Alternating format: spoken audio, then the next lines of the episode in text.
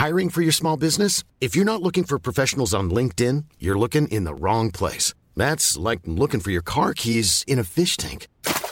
LinkedIn helps you hire professionals you can't find anywhere else, even those who aren't actively searching for a new job but might be open to the perfect role. In a given month, over 70% of LinkedIn users don't even visit other leading job sites. So start looking in the right place. With LinkedIn, you can hire professionals like a professional. Post your free job on linkedin.com slash people today. Hey, how you doing? Heel hartelijk welkom bij Julia. Okay, meet me at the bar in 15 minutes and suit up. 이 자리에 오신 여러분을 진심으로 환영합니다. Listen to what Mr. Shelby has to say.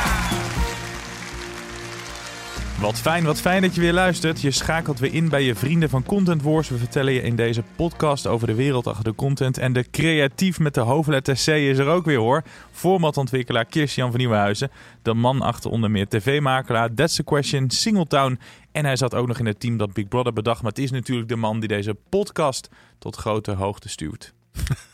Ja, Het wordt steeds erger. het is, eh, ik, elke keer zit ik toch weer te kijken, wat, wat maak je er nu weer van? Maar het is altijd leuk, eh, Jelle. Ik ben Jelle Maasbach en samen met Kirstian duiken we deze aflevering in ons kijkgedrag. Want dat is behoorlijk veranderd.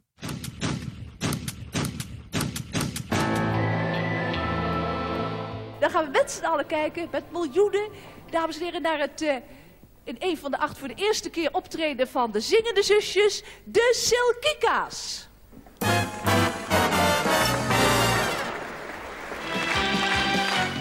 Live vanuit Winterswijk, het grootste elektronische circus ter wereld. Willem Ruis presenteert Vara Sterrenshow!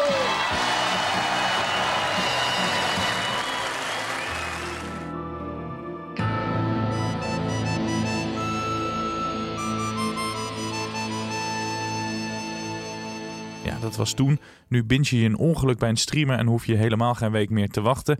Kirsten vertelt je hoe ons kijkgedrag is veranderd en dus ook de content. Maar eerst, door welk format of programma ben jij als kind betoverd? Eh, ja, ik heb veel tv gekeken, want ik vond tv kijken eigenlijk altijd leuk. Ehm, en er zijn natuurlijk een, eh, een, een, een, heel veel kinderprogramma's waar ik naar keek. Eh, maar toen ik wat ouder werd, vond ik één programma wel heel leuk. En dat Don't Forget Your Toothbrush.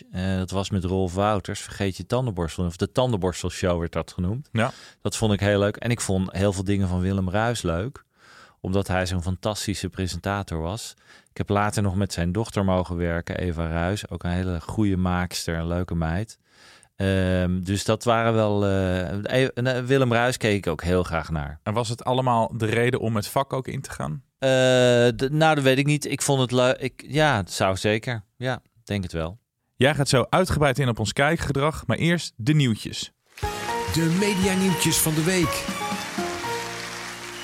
Ja, we moeten echt beginnen met Galit van Galit en Sophie. De presentator die treedt terug tijdelijk na onthullingen in het AD toen hij nog eh, werkt als advocaat. Hij zou duizenden euro zwart geld hebben aangenomen en hebben gesproken over het omkopen van ambtenaren.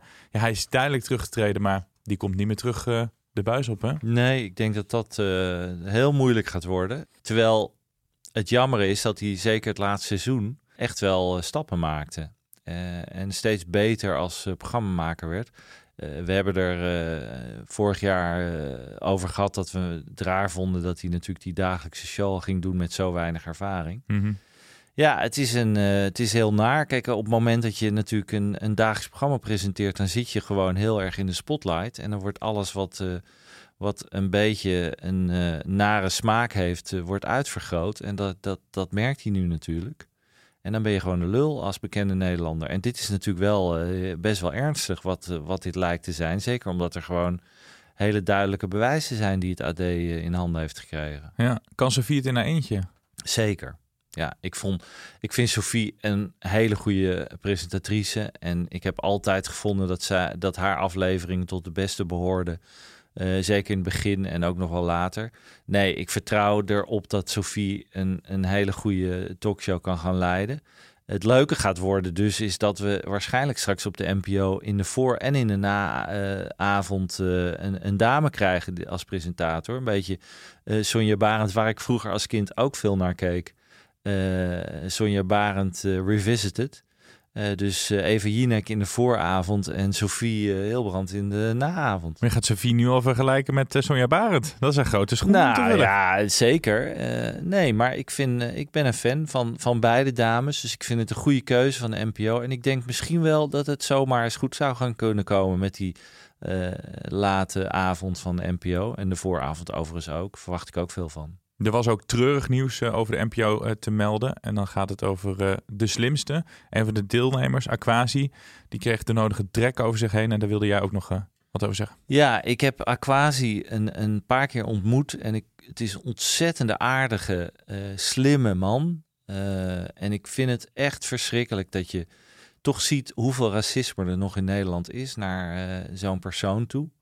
Uh, en we moeten echt af van die anonieme uh, profielen uh, bij een Twitter, in dit geval X, die van alles maar kunnen roepen. En wat een zielige mensen zijn dat toch, die dat doen. Dus ja, ik, ik leef met, met hem mee en die man krijgt zoveel gezeik over zich heen. Ik vind het echt schande dat je dat doet, je zo uit te laten over, over mensen. Helemaal met je eens. Dan naar uh, internationaal succes voor je grote vriend John de Mol. De Floor is een succes, zag ik bij uh, Tina op Insta. Ook in Italië en Frankrijk scoort zijn format.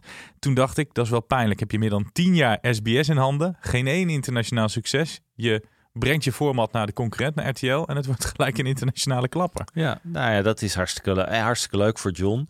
Ik dacht even, het is wel pijnlijk, omdat ik natuurlijk de floor niet zo ontzettend goede, goed format vond. En ik krijg nu de deksel op mijn neus. Dat geef ik grief toe. Nou, jij zei er moeten wel wat aanpassingen plaatsvinden. Ja, nou ja, dat blijkt heel erg uh, niet zo te zijn, want het wordt gewoon verkocht. en in Amerika is het ook een succes. Uh, met Rob Lowe als presentator. Ja. Um, althans, de eerste aflevering. Dus we moeten even kijken hoe het, hoe het stand houdt. Nee, maar het, het, ik, ik, uh, het is hartstikke leuk dat dat toch het goed doet. En uh, complimenten voor John voor dit format. Ik ben nog steeds wel, ik zie nog een aantal haken in de ogen. Het repetitieve vind ik niet zo goed, maar het heeft gewoon een hoog meespeelgehalte. Het spelletje aan zich is leuk. Mm. Uh, en ook de gimmick van die vloer landje pik is gewoon goed. Dus uh, in dit geval moet ik gewoon toegeven dat ik niet gelijk had. En dat het gewoon een succes gaat worden internationaal. Uh, en voor de Nederlandse creatieve sector is dit ook prima dat, er, dat we naast de Verraders en B&B Vol Liefde, waar we het volgende week over gaan hebben, luisteraar, hartstikke leuk. Ralf de Beurs komt volgende week. Ik voorspel het alvast.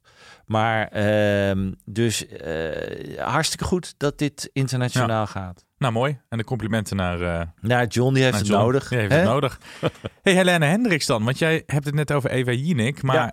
die is helemaal niet meer de talkshow-koningin van Nederland. Dat is Helene Hendricks. Nou. Want haar Oranje Winter scoort de pannen van de dak. Zat zelfs een keer meer dan een miljoen kijkers. Had de NPO haar niet beter kunnen halen.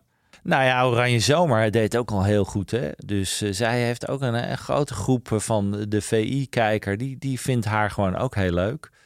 Uh, ik denk niet dat het de NPO-kijker uh, heel erg aanspreekt. Ondanks het feit dat ze daar het ook best goed zou kunnen doen hoor. Nou, nee, want het, het, is gewoon een prima presentatrice. Maar het is wel echt de SBS-talkshow, Oranje Winter. Een Mhm. beetje populistisch, redelijk rechts. Um, dus ik, ik denk niet dat de NPO heel snel op haar, voor haar deur staat om haar in te lijven. En ik denk wat ik, wat ik al eerder zei, met, met Eva en Sophie hebben ze twee hele goede presentatrices aan boord. Oké, okay, terug naar ons uh, kijkgedrag. Nou, vertel, hoe is dat uh, veranderd? Ja, nou ja, er is best wel veel veranderd aan ons kijkgedrag. En um, niet alleen natuurlijk, kijk, het belangrijkste met die streamers is natuurlijk je alles kan kijken wanneer je wil. En dat, dat snapt iedereen. Alleen als we even gaan kijken, dat, er is 50, 60 jaar lang hebben we nu hè, uh, televisie, zelfs nog iets langer. Maar uh, echt uh, dat er veel mensen kijken, ongeveer vanaf de 60er jaren, dat iedereen echt wel tv's begon te krijgen.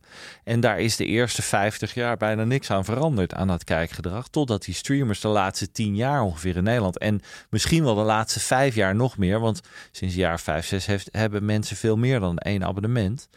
Eh, en, en wat je dus al ziet gebeuren is vervolgens dat sinds een jaar of tien en zeker sinds vijf, dat de, het aantal kijkers onder de 40 bij de lineaire zenders, hè, de RTL, SBS en NPO's, echt drastisch omlaag gaan. Veel sneller dan ze vreesden bij die omroepen. Dus onder de 40 wordt bijna niet meer gekeken. En wat daar weer de consequentie van is, is dat die advertentieinkomsten bij die lineaire zenders steeds minder worden en steeds meer richting die grote bedrijven die achter die streamers zitten. Dus de Alphabets, de Amazons, daar Mhm. gaan steeds meer eh, eh, geld naartoe. Eh, niet per se naar de streamers aan zich, maar wel naar de bedrijven die erachter zitten.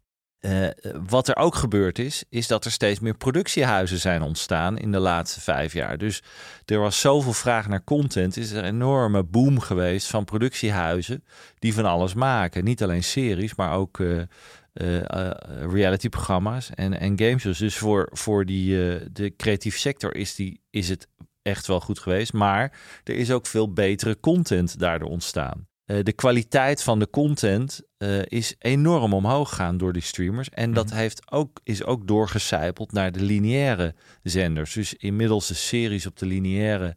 eh, als je kijkt naar de stamhouder, naar Droom van de Jeugd. allemaal echt heel goed gemaakte series. Veel beter nog dan vroeger. Ehm, Het was niet alleen een bedreiging eigenlijk dus voor die lineaire zenders, maar het heeft ze ook qua kwaliteit omhoog Absoluut. Het is, de kwaliteit is gewoon echt heel met, met sprongen omhoog gegaan. Mhm. En dat is voor alle zenders is dat een, een, een plus geweest. Maar er zijn ook een aantal problemen ontstaan voor die lineaire zenders. Daar kom ik zo nog op. Ehm, wat het grappige is, wat je ziet als kijker, is dat door de streamers er internationale content enorm omhoog is gegaan. Dus wij kijken nu naar Aziatische series als Squid Game, naar Spaanse series als Papel, eh, naar Zuid-Amerikaanse series. Eh, vroeger was dat veel minder. Dus voor kijkers is het heel leuk om te zien dat je plotseling series uit de hele wereld kan zien.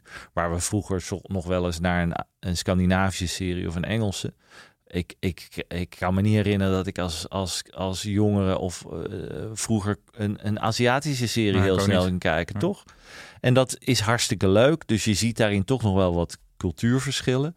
Maar aan de andere kant zie je bij heel veel van die wereldse series ook een soort globalisering in de series. Omdat je ook wel merkt dat ze allemaal wel iets hebben wat je leuk vindt en ook allemaal goed naar elkaar kijken. Eh, dus een, een, een Aziatische manier van verhaal vertellen is, is ook wel weer wat internationaler geworden. Nou, we hadden het al vroeger al gehad over wat, wat eh, het doorkijken, het, het bingen van series maakt. Dat je eh, veel meer verhaallijnen in een serie krijgt. Dus series worden complexer. En dat, dat kan omdat je dus meerdere afleveringen uit elkaar, achter elkaar kan zien. Maar wat is ook veranderd aan het streaming kijken, eh, is de manier van verhaal vertellen, is dat series en ook formats veel sneller to the point moeten komen. Want omdat er zoveel aanbod is eh, en je kijkt naar iets, dan wil je binnen een paar minuten denken, oh, dit is vet. Dus je ziet nu ook naar nieuwe series op eh, zenders, op lineaire zenders, dat ze heel snel met allerlei spannende elementen komen. Want dit gaan we zien tijdens het seizoen. Dat is een heel andere manier van eh, een verhaal vertellen dan vroeger. Ja. Eh, En voor de gemiddelde kijker valt dat niet op. Maar eigenlijk moet je binnen eh, de eerste 10 minuten al die kijker geïnteresseerd krijgen. En vroeger was dat helemaal niet zo. Werd een serie gewoon rustig opgebouwd. Ehm, daarnaast vragen heel veel streamers die vragen om content die moet binge-waardig zijn. Dus het moet content zijn die zowel cliffhangers hebben. Elke aflevering moet spannend eindigen, waardoor je doorkijkt. Maar streamers zeggen ook: nee, dit moet echt de content zijn die ik wil zien. Nou, dat is voor makers is dat, eh, is dat best lastig. Heel veel documentaires worden afgewezen omdat zenders zeggen: ja, ik vind het net niet eh, spannend genoeg. Eh, maar voor de kijker is het, merk je dus dat ook heel veel content is echt wel heel erg eh, lekker en, en binge-waardig om te kijken. Een ander ding wat eh, veranderd is door die streamers is dat de, de, de interesse voor eh, eh, nostalgie en voor oude series weer enorm omhoog is gegaan. Medisch Centrum West. Juist, die komt natuurlijk terug. Maar als je kijkt naar het succes van Friends, hè, nog steeds bij Nog steeds, streamers, Ja. The Office en onlangs weer Frasier met Ja. een nieuw seizoen. Ja. Nou, wat je dus daar ziet is bij streamers is die oude content gewoon heel succesvol. Want Friends en The Office staan nog steeds in de top 10, top 20 van meest gekeken series. Blijft fantastisch natuurlijk. Maar je ziet daar ook een afspiegeling in lineaire zenders dat in één keer nostalgie-tv in is. Dus daar had Tina Nijkamp het ook over. We zien in allerlei elementen zien we terug dat oude series succesvol blijven, terugkomen in andere vormen. Het gevoel van teruggaan in de tijd. Uh, nostalgie is gewoon eh, hot en dat komt ook weer daardoor. Nou ja, het, het probleem alleen is bij lineaire series is, of bij series op lineaire zenders is, is dat ze het moeilijk hebben op dit moment. Dus een, De Droom van de Jeugd, wat een van de beste series is van 2023, werd eigenlijk helemaal niet goed bekeken. Uh, wat is daar nou een van de problemen van? Uh, mensen zijn gewend en willen gewoon door kunnen kijken. Dus heel veel mensen kijken De Droom van de Jeugd en meer dramaseries bij de NPO liever op NPO Plus, omdat ze kunnen bingen. En een van de problemen hiervan is dus dat je kijkgedrag is veranderd in de zin van dat je niet meer een week wil wachten. Misschien een van de problemen van Boer zoekt vrouw is geweest dat naar het succes van B&B voor Liefde, wat dagelijks werd uitgezonden, wat je dus als een soort binge kan kijken. Je hoeft hooguit een dag te wachten. Ja. Uh, en je kan het ook al bij Videoland doorkijken. In één keer moesten mensen voor Boer zoekt vrouw een week wachten. En dat merkte je dus meteen. Je merkte dat mensen. Dat kunnen we niet meer aan. Nee, dat kunnen we niet meer aan. Dus je merkt dat er steeds meer content succesvol is, wat je dagelijks kan wachten. Een huis vol op dit moment scoort de pannen van het dak, meer dan een miljoen kijkers, omdat je er elke dag naar kan kijken. VI is mede zo succesvol, omdat het een soort van elke dag even naar die drie mannen uh, kijken. En we hadden vroeger natuurlijk uh, Mies Bouwman, Willem Ruis haalde je net aan.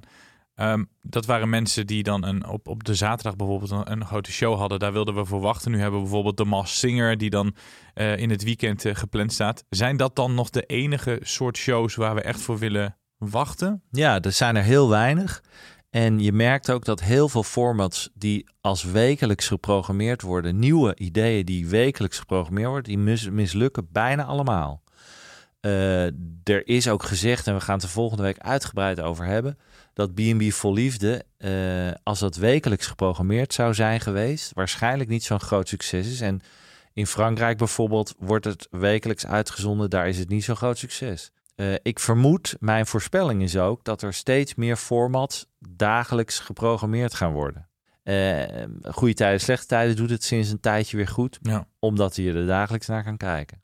Het probleem is nu, omdat die streamers je op elk moment kan kijken en er zoveel ook niche onderwerpen zijn, over alles kan je wat vinden, is dat het kijkgedrag van families ook veranderd is. Namelijk, je kijkt veel minder met elkaar. Iedereen kijkt op zijn eigen scherm, zijn eigen content. De, eh, jongeren kijken naar uh, guilty pleasure-achtige formats, ouderen kijken naar dramaseries bijvoorbeeld. En er zijn een paar programma's binnen families, De Mol is er zo een, Expeditie Robinson, Maas Singer, waar je met elkaar naar kijkt, maar dat worden er steeds minder. En zenders willen die heel graag hebben. Het is niet alleen de strijd om te kijken, maar ook om de spanningsboog geworden. Absoluut. En het is ook uh, in die zin jammer dat je merkt dat die uh, scheiding tussen jongeren en ouderen steeds meer wordt. Want iedereen kijkt zijn eigen content. En het is steeds lastiger om iets te vinden waar je gezellig met elkaar naar gaat zitten kijken. Is het beter geworden of uh, is het schraler geworden? Want je kan zeggen er is veel meer aanbod gekomen. Dat is mooi. Maar hoe kijk je hier als, als creatief naar? Dat dit on, ons kijkgedrag zo is veranderd? Ik, ik, ik vind het, uh, de, de streamers hebben een enorme toevoeging uh, aan het, het, volledige palet uh, gemaakt. en voor creatieven is het echt heel goed geweest dat die streamers er zijn gekomen. Voor de hele creatieve sector is het goed geweest. Meer bedrijven, meer vraag, meer aanbod, meer geld in de markt. Dus het is in die zin echt voor heel veel mensen is het binnen ons vak is het, is het een goede ontwikkeling geweest. Maar vroeger was het natuurlijk dat je met z'n allen op zaterdagavond naar een paar programma keek. En daar had je het maandag bij de, de koffieautomaat over. Dat is ook steeds minder. Maar niemand wil met jou eh, kijken meer op zaterdagavond in uh, Huizen van Nieuwhuizen? Uh, s- nou ja, wij zitten echt wel te zoeken waar kunnen we met elkaar naar kijken. Dat is absoluut, eh, absoluut een feit. Ja, dus... eh, nou ja, dan hebben we nog een paar laatste dingen. Voor, en dan, dan eindig ik mijn masterclass eh, de kijk, eh, het kijkgedrag. Eh, er is een nieuwe manier van, van kijkcijfer meten. Natuurlijk ook al in Nederland, maar ook internationaal. In Amerika ook. Eh, want we wordt nu gemeten hoe we achteraf natuurlijk kijken. Nou, en daar blijkt uit dat sommige programma's waarvan men denkt er wordt helemaal niet goed bekeken, er achteraf heel goed naar gekeken wordt. Eh, en dat maakt dus ook dat heel veel series waarvan je aanvankelijk denkt, hm, het valt wel mee, gewoon gecontinueerd worden.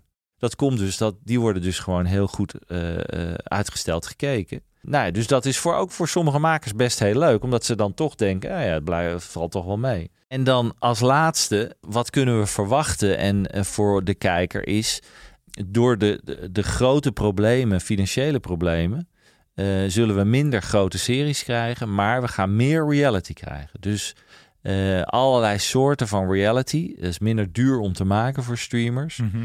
Eh, en ook voor lineaire zenders. Want lineaire zenders hebben het gewoon moeilijk, krijgen steeds minder geld elk jaar. Formats die minder duur zijn dan al die ontzettend dure series. Dat gaan we kunnen verwachten de komende paar jaar. Op dit moment is dat mijn voorspelling voor eh 24 en 25. Dit is mijn uitspraak en hier moet het mee doen. Hier moet u het mee doen, meneer. Zou het hier werken? Ja, ons kijkgedrag kan veranderen, maar wat niet verandert is Lisette van Diepen. En voor het eerst dit jaar weer bij ons aan tafel. Hoe ja, goed leuk, is dat? gezellig. Ja, vorige week eh, moesten we doen met een eh, audiobijdrage van je, maar nu ben je hier gelijk weer eh, bij ons aan tafel. Waarvoor dank. De beste wensen ga ik niet meer doen, maar Nee. ik ga je wel vragen, heb je nog wat leuks meegenomen? Ik heb zeker wat leuks meegenomen. En, en, en juist omdat eh, het nieuwe jaar en, en, en zoveel mensen die bezig zijn met eh, leuke dingen eh, te verzinnen of wensen en verlangens om dingen groot of klein te veranderen aan het begin van het jaar, heb Mhm. ik dit format meegenomen. De internationale titel is What Should I Do? En het leuke is dat dit format een aantal jaar geleden gestart is in Italië. En vanuit Italië is het naar Wallonië gegaan, waar het heel succesvol is geweest, onder de naam Dilem. En eh, nu gaat het deze week, volgens mij morgen, eh, of vandaag, ik weet het eigenlijk niet, maar deze week gaat het starten op VTM onder de naam Wat zou jij doen? En we nemen een kandidaat die een zeer eh, groot of klein, maar in ieder geval een heel persoonlijk dilemma of vraag heeft. waar hij of zij een antwoord op wil hebben of zoekt. En die loopt een studio binnen en vraagt het voltallige publiek in die studio om hem of haar te helpen een beslissing te nemen. Ze hebben in principe een contract getekend dat bindend is. Dus Mhm. de uitslag eh, van het publiek gaat eh, de oplossing zijn die gevolgd gaat worden. En het publiek krijgt eh, in een aantal fasen steeds meer informatie over dat dilemma. En soms is dat klein, moet ik die baan nemen? Soms is het groter, wat doe ik met mijn relatie? Enzovoort, enzovoort. En dat gaat dus starten deze week op VTM. En eh, wat ik er leuk aan vind is, eh, want het deed me natuurlijk een beetje denken aan een format dat in Nederland al een keer geproduceerd is. De internationale titel daarvan was The Audience. En dat is op RTL gaan lopen, volgens mij onder de naam Ik kan het niet alleen, van Force Media nog destijds. Maar dat was een, eh, iemand met een dilemma die vervolgens door een groep mensen een week lang echt gevolgd werd. Zijn huis in en, en, en zijn werk in om te kijken of, of ze op die manier eh, die persoon konden helpen met het dilemma waar hij of zij mee liep. Dit is eigenlijk gewoon een heel leuk studio-entertainment format. waarin je en hele zware eh, vragen en dilemma's kan doen. of je kan het luchtiger houden. Ik heb ooit een stukje gezien van een pilot die destijds gemaakt is voor de Engelse markt. Dit is een Fremantle format, eh, dus ik begrijp dat dit eh, ontwikkeld is vanuit de UK. Eh, daar is het om allerlei redenen niet als eerste gelanceerd. Maar Fremantle eh, Italië heeft het verkocht gekregen en is destijds gaan lopen, ik geloof twee jaar geleden, op RAI. En vervolgens is het zijn, weg gaan vinden. En nu gaat het naar de VTM. En dan kan het bijna niet anders dan dat het weer internationaal binnen Europa nieuwe aandacht krijgt. Dus what should I do? Hmm, Ja. Het, het basisprincipe is natuurlijk best heel leuk om het publiek te laten beslissen over wat je met je leven doet. Wat, me, wat ik me een beetje afvraag is, op het moment dat hij in de studio zit en het publiek zegt je moet dit doen, wat gebeurt er dan? Want je wil natuurlijk als publiek dan later terugkomen en, en zien wat er met zijn leven is uh, gebeurd. Hoe, hoe lossen ja, ze dat op? op? Ik weet eigenlijk niet. Ik heb de originele uh, Italiaanse versie of, of de Waalse niet geheel gezien. Dus dat zou dus moeten checken. Uh, bijvoorbeeld bij Hidde, Hidde Pel, die jullie hier in de studio hebben gehad, wat, uh, wat, wat er gebeurt. Maar ik kan me voorstellen dat het inderdaad heel belangrijk en leuk is om te zien van oké, okay, hoe is dat nou afgelopen met die persoon? Ja. En dilemma, welk dilemma zou jij voorleggen aan een publiek, Kirsten? Nou, ik heb Waar ze over mee mogen beslissen. Ik heb momenteel enorm problemen in mijn badkamer. Ja, dan kunnen we elkaar uh, ja, je hebt, de, je hebt de foto's gezien. Ja. Um, dus ik zou dan willen vragen hoe moet ik mijn badkamer gaan inrichten. Maar goed. Of wat moet wel... ik doen met degene die hem verkeerd geplaatst heeft? Daar is nou, dat weet ik zelf wel wat ik daarbij wil doen. Heb ik geen nou, advies ik hoor het nodig. Al, jullie komen dat format niet in. nee, want dat is heel saai. Is oh, heel saai. Nee, ja, god, kijk, het is natuurlijk inderdaad het leukste als het echt belangrijke het issues zijn. Het basisprincipe is wel heel grappig, vind ik. Het basisprincipe is grappig, alleen ik ben dus heel benieuwd. Ja hoe het wordt uitgewerkt. En ik kan me ook voorstellen dat ze daar in Engeland bijvoorbeeld tegenaan zijn gelopen.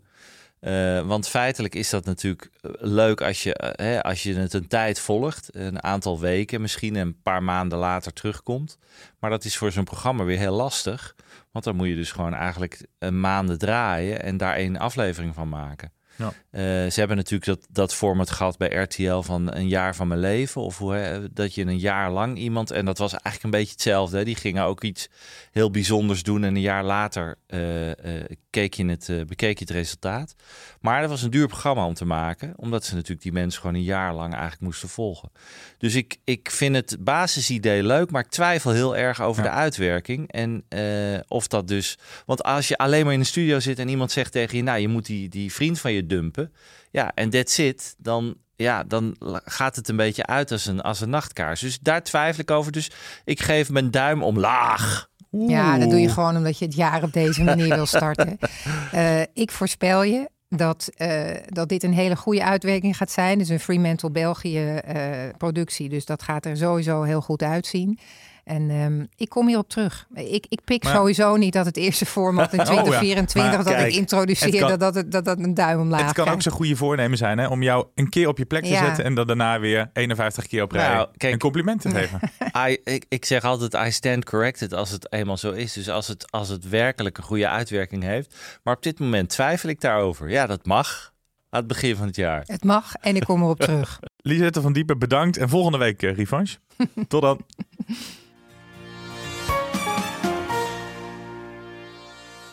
Ja, Lisette van Diepen, die kunnen we niet overtreffen. Maar wat je wel kan geven aan ons, aan de luisteraar, is een binge-tip. Ja, en ik ga een Nederlandse binge-tip doen. Oeh. Van onze grote vrienden van SBS. Oh jee. Ja, nou, nou het uh, kan gebeuren hoor. Nou, er zijn twee hele goede uh, creatieven. Die heten Wouter van der Pauw en Giel de Winter. En Giel de Winter is voor het grote uh, publiek wat bekender natuurlijk als de grote man achter Stuk TV. Mm -hmm. Die hebben samen een bedrijf uh, gestart, niet zo lang geleden, dat het heet Signal Stream. En uh, dat zijn twee hele goede creatieven. En die hebben net iets gestart bij, bij SBS. afgelopen zondag was de eerste aflevering van een realityprogramma dat heet No Way Back. En dat vond ik toch wel een heel leuk format. Het idee daarvan is dat een, een, een, een grote groep ongetrainde mensen naar Noorwegen wordt gestuurd. Die moeten een tocht afleggen. Uh, tussen vijf kampen eigenlijk moeten ze zien te bereiken. Als ze eenmaal van het ene naar het andere kamp gaan, moeten ze ook, mogen ze niet meer terug en no way back. Maar het leuke van het format is eigenlijk dat ze ook kunnen beslissen om ergens in een kamp te blijven. En dan moeten ze zien te overleven in dat kamp, want er is heel weinig. En dan kunnen ze ook nog steeds geld verdienen. Dus het slimme wat Wouter en Giel gedaan hebben, is dat ze hebben een soort van uh, uh, road movie-achtig format. Hè, van uh, punt A naar B, wat altijd heel zwaar is. Gecombineerd met het principe: kan ik overleven op één plek? En dat is No Way Back geworden op SBS. Elke zondag om half negen. En dat vind ik een leuk format. Dus het is ook weer met Klaas, hoe heet die? Die, die, die, die commando, oud commando uit de NPO-afleveringen. Kamp van Koningsbrugge. Ja, van is, Kamp het- van- is het niet een beetje een, een rip-off van Kamp van Koningsbrugge? Is dit ook met dezelfde voice-over als Kamp van Nee, Koningsbrugge? nee Oh. het is een andere voice-over. En tuurlijk, het lijkt sterk op die overlevingsformats. Eh, maar goed, Kamp van Koningsbrugge was ook een soort van rip-off weer van een, een SCS, geloof ik. Er was er eerder al een format, waren meerdere formats. Het leuke van dit format is, vind ik persoonlijk, die combinatie. Dus eh, dat, dat je, Kamp van Koningsbrugge is echt voortdurend elke week opdrachten. Eh, en dit is ook een element eh, van kan ik overleven op één plek. En wat bijvoorbeeld Bear Grylls The Island heel leuk maakt. Een groep mannen of vrouwen op één eiland. Mhm. Ehm, nee, ik vond het leuk. Nou, en, eh, en ik vind het leuk dat het een Nederlands format is van een jong bedrijf. Van twee makers, Wouter en Giel, die ik eh, het beste gun. Eh, en ik, dus ik hoop dat het in dit geval gewoon een succes wordt. En het is niet makkelijk op SBS om natuurlijk een, een hit te starten. Nee. Eh, we hebben het al gehad over de Floor, die de enige hit. En dat is dan weer op RTL. Als je op RTL start, is het echt makkelijker. Als dit op RTL had gestart, denk ik dat ze ook hoger hadden gescoord de eerste aflevering. Deed het best goed, maar niet super. Maar ik gun ze wel meer, dus no way back, jongens. Nou, shout-out naar hun. Dit was hem eh, voor deze week, deze Content Wars. Volgende week, je hebt hem al aangekondigd, Ralf de Beurs, Creative Director bij Ja. RTL. De man achter een B&B vol liefde, Winter vol liefde. En dat is echt mijn lievelingsprogramma van dit moment. En dan gaan wij eh, met hem eh, het hebben over daten in het buitenland. En ook hoe die op het idee voor deze pareltjes kwam. Ja, en Ralf de Beurs is echt een, een, een van de beste creatieven van, eh, van Nederland, misschien wel van Europa. Niet, niet alleen omdat hij zoveel succes heeft met zijn vorm, het is ook een hele aardig vent. We hoeven niet meer te slijmen, hè? Hij is al, hij hij is al komt sowieso, Ja, maar ja. eh, Nee, voor de mensen, als je niet wil luisteren, ga Ja. even luisteren. Want ja, het, hij heeft gewoon een aantal hele grote succes op zijn naam de laatste tijd. En iedereen heeft het natuurlijk over deze formats en kijkt daarnaar. Ehm, dus ik denk, ik verwacht dat het een hele leuke aflevering gaat Ja, worden. ik ben ook eh, benieuwd naar alle juice over Guido en Sol en Edith. Jij bent een enorme fanboy. Ja. Ja, fanboy van de winter. Nou, ik heb ze ook allemaal gezien hoor, moet ik zeggen. dus nou mooi. ik ben ook fan. Tot eh, volgende week.